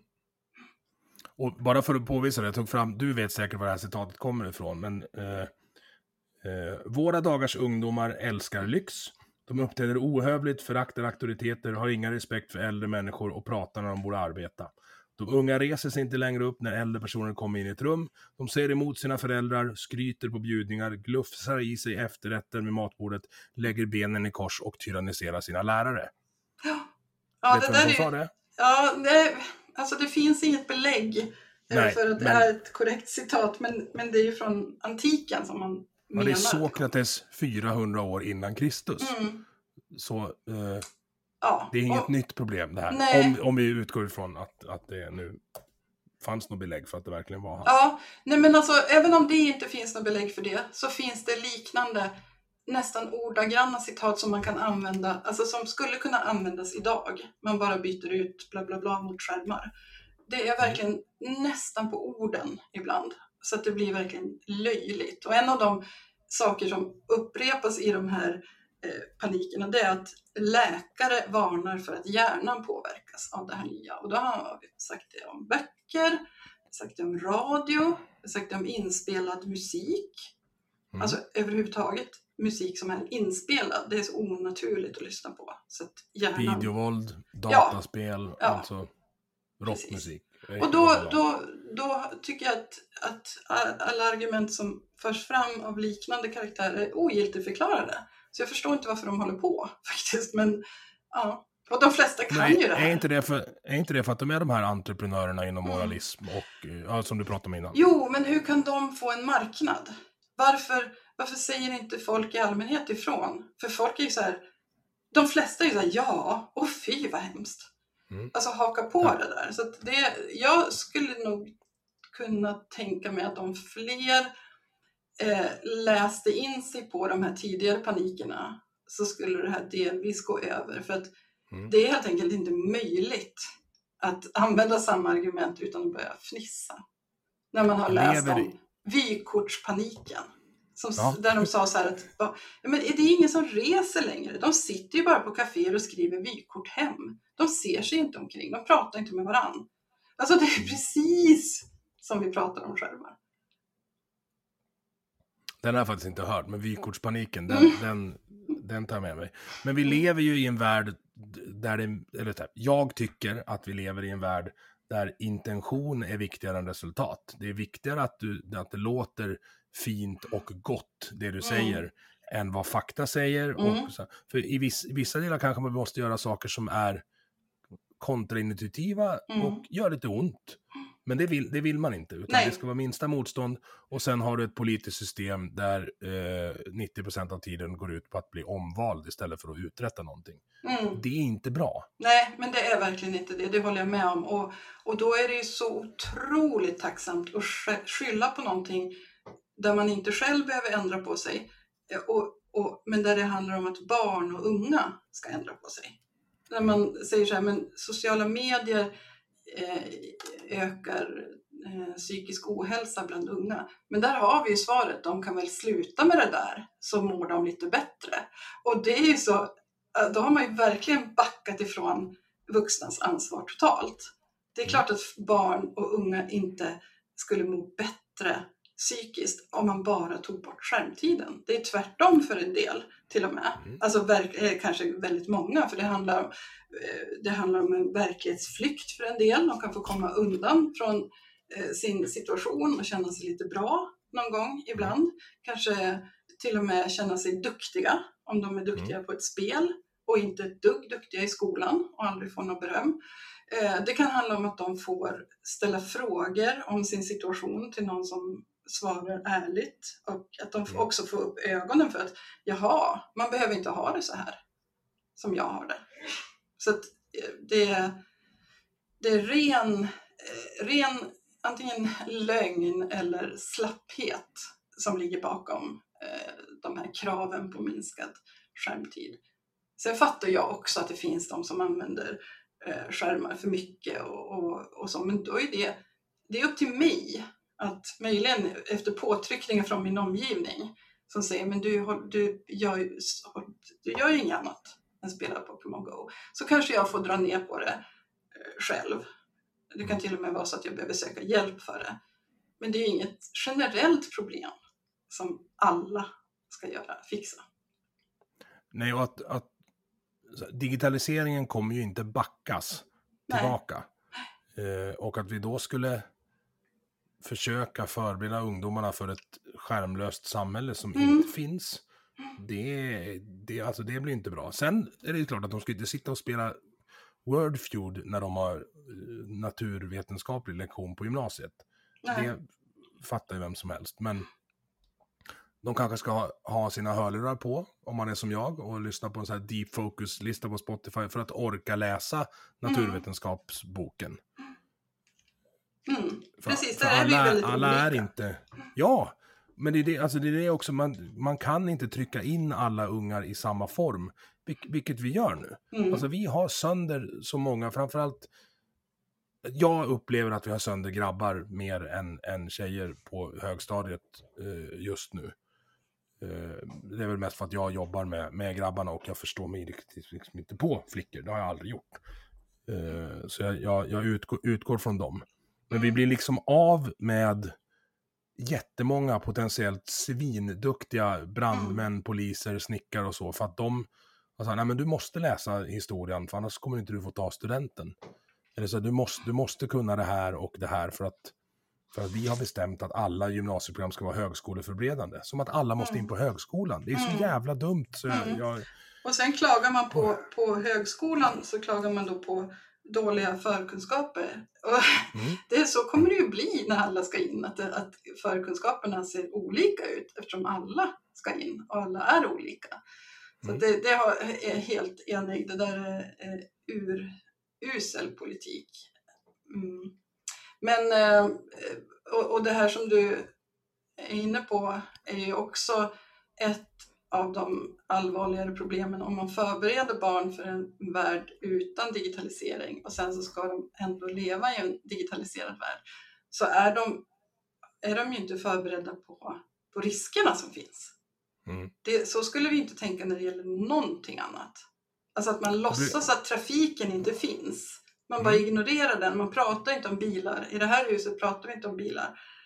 Och sen är de 13 och då plötsligt så måste de ut i trafiken. Mm. Och lycka till det- försöka lära dem att, att eh, den där kommer jättefort. Fortare än någonting du har sett någonsin. Mm.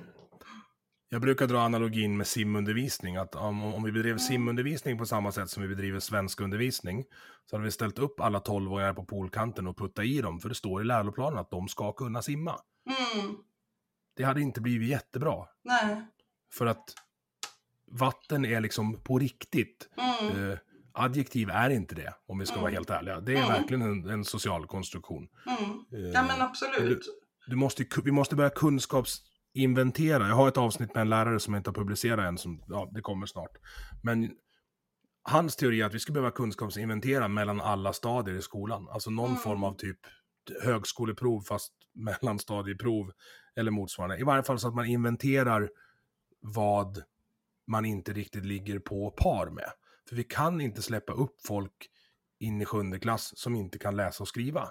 Det blir inte Mm. rättvist mot dem och det blir definitivt inte rättvist mot deras eh, klasskamrater som inte Nej. kommer få den lärartid de har rätt till för att bli, bli så bra som möjligt. Och där Mm. hamnar vi också i det här att, att, att vi utgår från att alla är lika. Det finns Mm. liksom inga individuella eh, aspekter i det hela. Nej, det och, då är det ju alltså, fa- avvik, avvikning det handlar om. Då är Ja. du, du, du är inte lika bra som de andra, då är det dig det är fel på, det är du som avviker, det är dig vi ska ändra på. Vi ska inte ändra på systemet som eh, utgår ifrån det normala barnet. Det Ja, fast vissa saker, farligt. vissa saker ska man kanske ha som kravbild, alltså typ läsa och skriva som 12-åring om du ska vidare i skolan. Eller ja, jag- absolut, men det är inte, det, jag tänker mer så här att ja, det här kanske är ett barn som behöver särskild hjälp med det här, som inte har följt den där kurvan Mm. eh, som de andra, flesta andra följde. Att man börjar med bokstäver och sen börjar man med enklare böcker och sen lite svårare böcker. Då är, om man nu skulle utgå ifrån att alla är olika så att alla kan behöva lära sig på sitt eh, eget sätt. Så Det sätt som passar dem, inte ett eget sätt. Men alltså, om man utgick ifrån det, då skulle det inte vara de är. avvikelse. Utan då skulle det vara att alla är olika. Det, det är egentligen, då är vi tillbaka till normkritiken. Eh, att vi ska inte utgå från en norm och sen peka ut vilka som är avvikande som ska få särskild behandling. Utan alla ska få särskild behandling. Har Fast jag, jag, har inget, jag skulle inte ha någonting emot att införa obsklasser igen. Alltså det är, de, de är i princip införda på en del skolor för att lärarna upptäckt att det, det funkar. Ja, Men men, då det jag bryter också lärarna mot- Det, Då jag bryter de mot läroplanen. Det är olagligt att göra Ja, så. Du får men inte då, göra då, är det, då, då utgår ju, det är ju ett fel i sig att man räknar eh, i, att i läroplanen så, så ses alla som eh, likadana, utom de som har särskilda behov. Och då blir det det här utpekandet hela tiden. Det är, om, om vi utgick ifrån att alla har särskilda behov därför att alla är olika, så Mm. skulle vi inte behöva tala om för vissa att du har de här bristerna. Det är ju inte motiverande för fem öre att få Det beror veta. lite på hur man säljer in det. I en av de skolorna Ja. jag, jag jobbar med nu, där är de extremt tydliga med att- och det är framförallt för att hon, eh, specialläraren, är helt fantastisk. Mm, Eh, de har liksom, de har avstigmatiserat det totalt. mm, Alla, alla inser att det är, det är liksom, ja, de här behövs också, vi är inte lika, de, de går till det här klassrummet, vi går till det andra, sen har vi jumpa ihop och vissa lektioner är vissa med och, mm. och så. Men det är ju Och något sånt som jag menar, alltså där Ja. det inte är stigmatiserat. Där, det inte, där man inte måste tala om för någon att du duger egentligen inte och därför så ska vi hjälpa dig lite extra så Mm. att du kanske duger en vacker dag. Och fram, ja, och framför allt, det där är en självreglerande verksamhet. Alltså fram, om vi pratar om, om ADHD-pojkarna som har svårt i skolan, det vill säga sådana som jag. Mm. Om samhället inte tillhandahåller en, en konstruktiv, farbar väg genom livet för de här ungdomarna, då kommer någon annan tillhandahålla Mm. en konstruktiv, farbar väg. Och vi tenderar liksom att gravitera emot det som vi inte kan göra själv. I mitt fall, alltså struktur eh, och ett, ett eh, sammanhang där det är okej att vara lite stökig. Jag hittade hockeyläktaren då, där, där, Mm. där det fanns. Och det var jättelätt, för det, det hänger ju en tv i taket som visar vad klockan är och vad det står.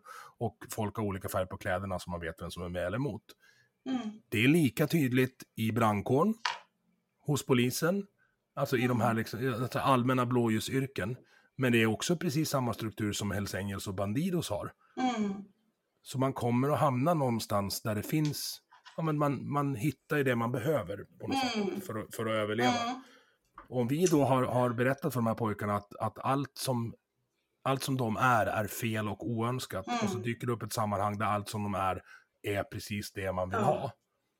Precis. Då kommer, alltså den lojaliteten de får mot gängen, jag förstår precis ja. varför de dör och dödar för, för, för sina kamrater. För det är Mm. första gången de har fått vara sig själv och blivit uppskattade för det. Och det föder en lojalitet som inte går att, går att hitta någon annanstans.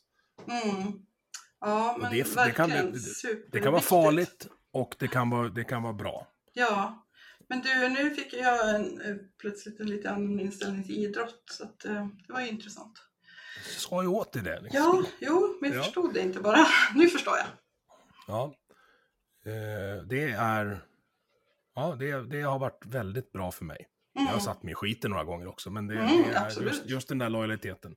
Mm. För det, alltså, det är bra att ha en damppojke som kompis. För han kommer hjälpa dig med saker du inte klarar av. Det är, Mm. Så är det. Ja, nu vart det lite känslomässigt här, men det blir jag ibland. Eh, Ja, men det, det ska man väl vara. Det vore ju jättehemskt ha- om man inte vore det. ja, vi ska Mm. avsluta med att prata om porr. Ja, För mitt där får du också favoritämne. skit. Inte. Nej, Nej. men du skyr dig inte heller och det är därför som du blir farlig för de här jävla Mm. dårarna. Mm. Eh, för det är uppenbart så att du är farlig för dem. Och det Ja. är ju de här eh, entreprenörerna i moralism och, och Ja, värdighet verkligen. eller, vad- eller vad du kallar dem. Verkligen. eh, Ja, moralism och alarmism är ju det Ja. de sysslar med. Och de här porrfri barndom är ju, ja men de är ju så ett, ett skolexempel på det. Hur de en- håvar in pengar. Jag skulle Eh, säga att det är en ovetenskaplig sekt i liksom klass med mormoner eh, Ja. och scientologerna. Alltså det är fanatiker. Mm, och det är väldigt sektliknande på, på, eh, på många Berätta. sätt. Berätta vad det är och hur du Mm. kom i kontakt med dem först för att ge lite Mm. bakgrund. Ja, nej men det är någon typ av, av förening numera. Eh, och eh, det börjar tydligen så att eh, några Eh, mammor upptäckte att det inte fanns porrfilter på deras förskolas enheter. Alltså, ja. Eh, och de drog igång en kampanj att vi måste ha porrfilter på alla skolor. Och då använde de eh, en sån här, det som kallas för falsk motsättning som, som huvudargument. Ungefär att vill, vill du inte ha porrfilter så är du alltså för porr. Alltså för att barn ska konsumera porr. Så att den som inte stödjer deras krav blir då inmålad i ett hörn där man är en sån äcklig typ som vill att barn ska ha fri tillgång till porr. Det är så hela deras retorik går ut på den motsättningen och den är ju falsk. Den, så är det ju naturligtvis inte. Det finns ju i, i princip inga människor som, som tycker att porr är gjort för barn eller att det är lämpligt att barn konsumerar porr. Och det finns absolut ingen som skriver under på att skolan ska tillhandahålla porr till eleverna. Eh, så att det är liksom... Men Påstår det de kunde det de alltså? inte... Ja, Ja, fast det blir ju det, det, det är deras eh, förlängning av, av resonemangen. Därför att är du inte med oss så är du emot oss och, och då är du för alla de här negativa sakerna. Så att det, är, så- det är så de argumenterar hela tiden.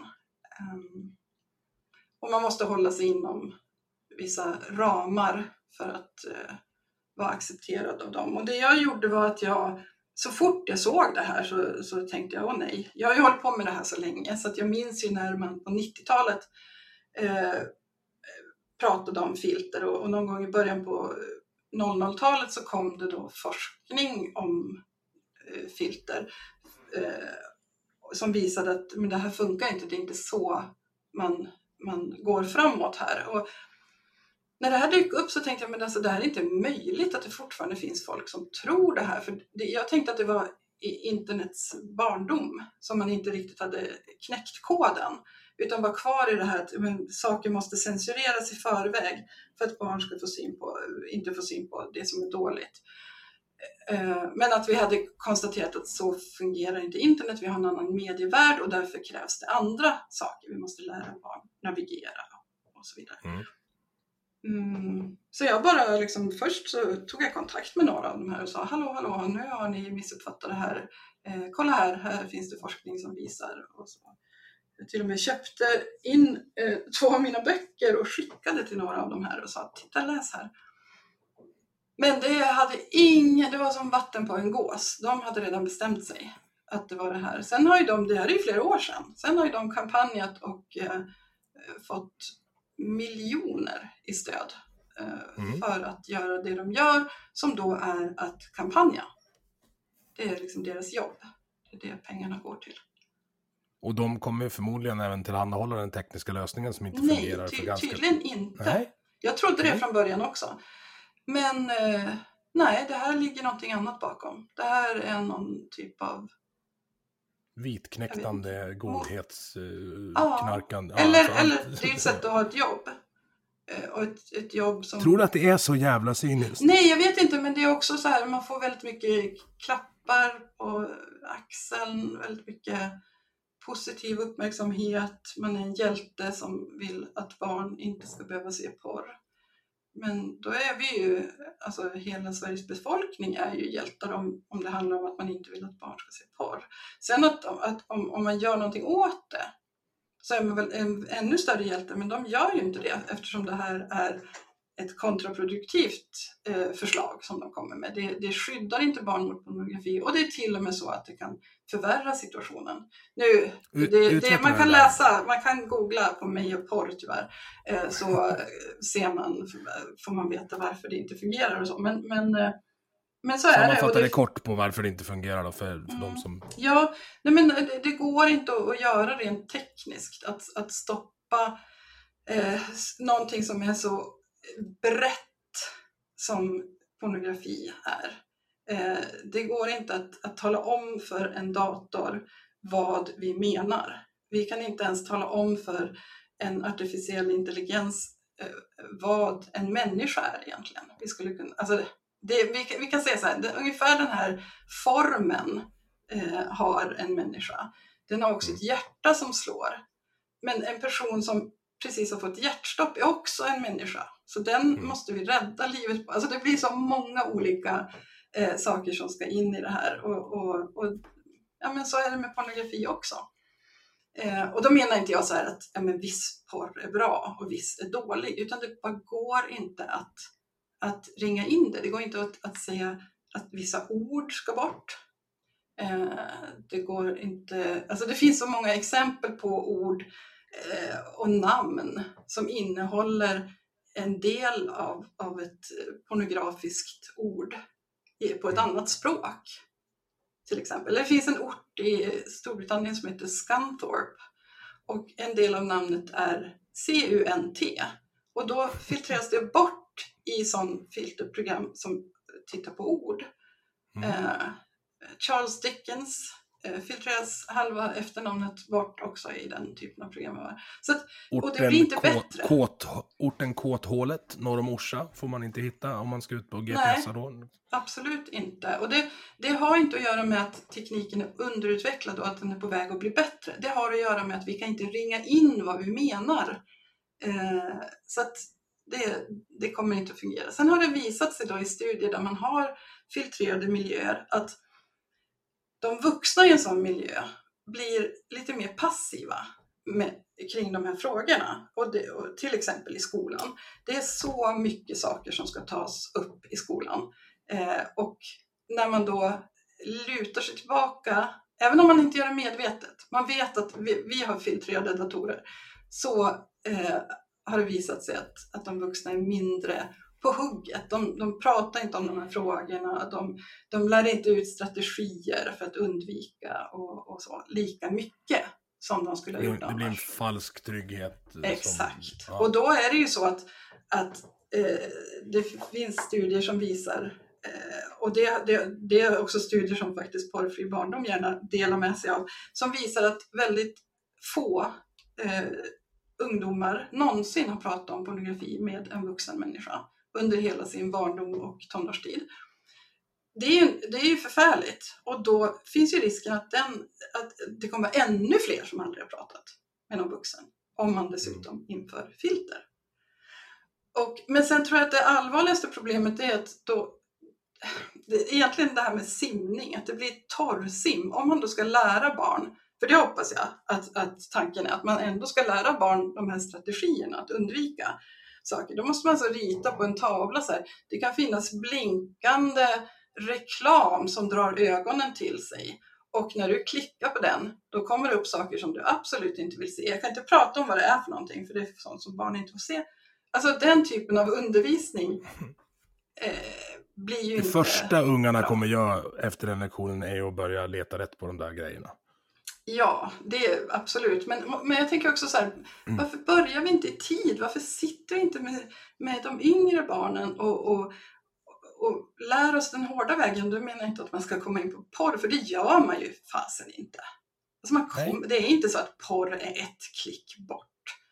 Det är, Jo, om du skriver porr och sen klickar Ja, så ja. är det ett klick bort. Absolut, Det är- det är det. Men, det är, Men det då är kommer det ändå- som, som ramlar in random och Mm. får se liksom något, Precis. någon tyst Men man tysk kan- i gasmask. Som, Men man kan prata om att, att nej men, eh, vi, vi klickar inte på den här videon för det här skulle kunna vara någonting som vi inte vill se, någon av oss. Och, Mm. eh, Man kan få mardrömmar om man har sett läskiga saker och, och liksom prata om det här. eh, Kom till mig, har du sett någonting? Har du, även om du med flit, om du har skrivit in porr och kommit på någonting råäckligt så kom och säg det till mig för jag har också gjort sådana misstag. Alltså det, Mm. det är mer den typen av eh, process som vi måste lägga energin på. Vi ska inte lägga massa pengar och tid på att ta fram ett tekniskt verktyg som ändå inte funkar.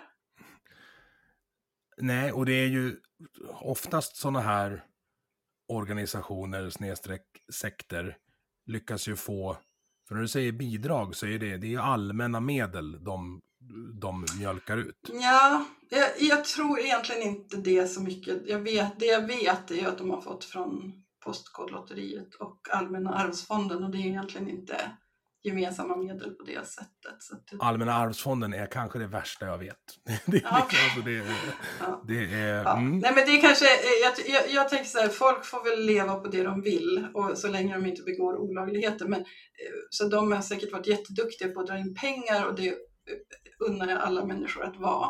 Men eh, problemet här är att de, att de det de tjänar pengar på är att skrämma andra människor för någonting som de inte borde vara rädda för, utan tvärtom. Eh, Mm. Vara engagerade i att, att stötta barn och unga i. Och sen så är det också det här problemet att de är så vidriga mot sina motståndare, att de ens utser motståndare i någon Mm. typ av debatt. Och att, eh, ja, personligen så är jag så otroligt besviken på att jag har blivit så baktalad och att jag har hamnat i någon sorts porrfack. Alltså mina gamla kompisar kan ju säga så men Elsa vad var det som hände här? För jag har varit så ointresserad av den frågan. Det är verkligen så här, I'm nothing porn. Jag har aldrig brytt mig, eh, jag har inga åsikter om att andra tittar mig, jag är ointresserad. Men plötsligt är jag någon sorts porrliberal. Nej, Mm. jag går inte med på det här. Och det tycker Och jag är så nog- oschysst att de har gjort så. Annars så gör Inte nog med det, du, föres, du förespråkar att eh, eh, föräldrar ska titta Just på porr det. med sina barn. Just det, det också. Eh, Det låter, när- var, varför tycker du det Elsa? Nu får du förklara dig. Ja, det är en krånglig fråga. Nej, men det är verkligen så sjukt hur man får, eller man får ju inte säga sådana saker, för de, de som skrev det här då, eh, en tidning som heter Kvinnotryck, de blev ju fällda av medieombudsmannen. Så att det, det är så att man får inte säga så om folk. För det är väldigt intressant, alltså kvinnotryck, det är ROKs tidning. Mm, det är det. De borde ju älska dig, alltså på allvar. Det vi, det vi har pratat om idag är ju bara sånt som de, Mm. om de har, ja, jag tyckte det var så konstigt när Alltså det blir det här revolutionen äter sina egna barn. Du borde ju vara deras bästa människa i världen, tycker jag. Ja, jag, jag tycker ju självklart som dem i typ alla frågor. Jag är ju helt för och eh, har Jo, men så här, vad, vem är det som säger emot? Alltså deras Nej. grundpremiss är så här, men så här, sluta slå era fruar, jävla idioter. Det, ja. ja. det finns väl ingen som inte tycker det? Nej, och det gjorde det ju extra krångligt sådär att vi ja, eh, har ju haft olika diskussioner om, om vi ska gå vidare och så. Och, eh, det, är ju, det är jobbigt, det är klart att man vill ha upprättelse. Nu fick vi upprättelse av medieombudsmannen men vi, vi hade ju också eh, tankar på skadestånd och sådana saker. Men Ja. det vill man inte göra mot en sån organisation. Nej, precis. Dra ner på resurserna till kvinnojourer. Nej. Jag skulle kunna tänka mig att det är inte ett av dina största intresseområden. Nej, verkligen inte. Nej. Eh, Ja, det är... Vi lever i en smått absurd värld, det måste jag Mm, säga. Det mm. är... Eh, vi hann prata om det vi skulle prata. Det var, det var en timmes uppvärmning först bara. Men jag vill avsluta med att återigen påpeka det jag sa inledningsvis. Att jag är så jävla glad att det finns människor som dig. Så tack. Mm. Ja men tack för att du säger så. Det är ju så värdefullt att få den typen av reaktioner mellan varven. Det är verkligen Mm. det som, det är superviktigt att man blir upplyft av någonting då och då. Ja. Sluta aldrig kämpa. Nej, men det tror jag inte att jag kan.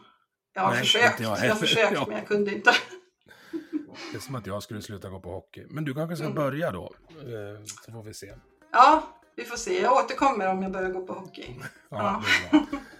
Tack så mycket Elsa. Ja men tack, det var jättekul att prata med dig.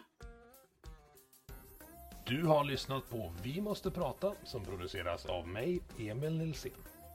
Tycker du om det du hörde? Dela avsnittet med dina vänner och på sociala medier. Vill du stötta podden kan du göra det via Patreon där du hittar den på patreon.com snedstreck vi måste prata i ett ord. Eller så swishar du en slant till nummer 123 671 46 79. Vi hörs!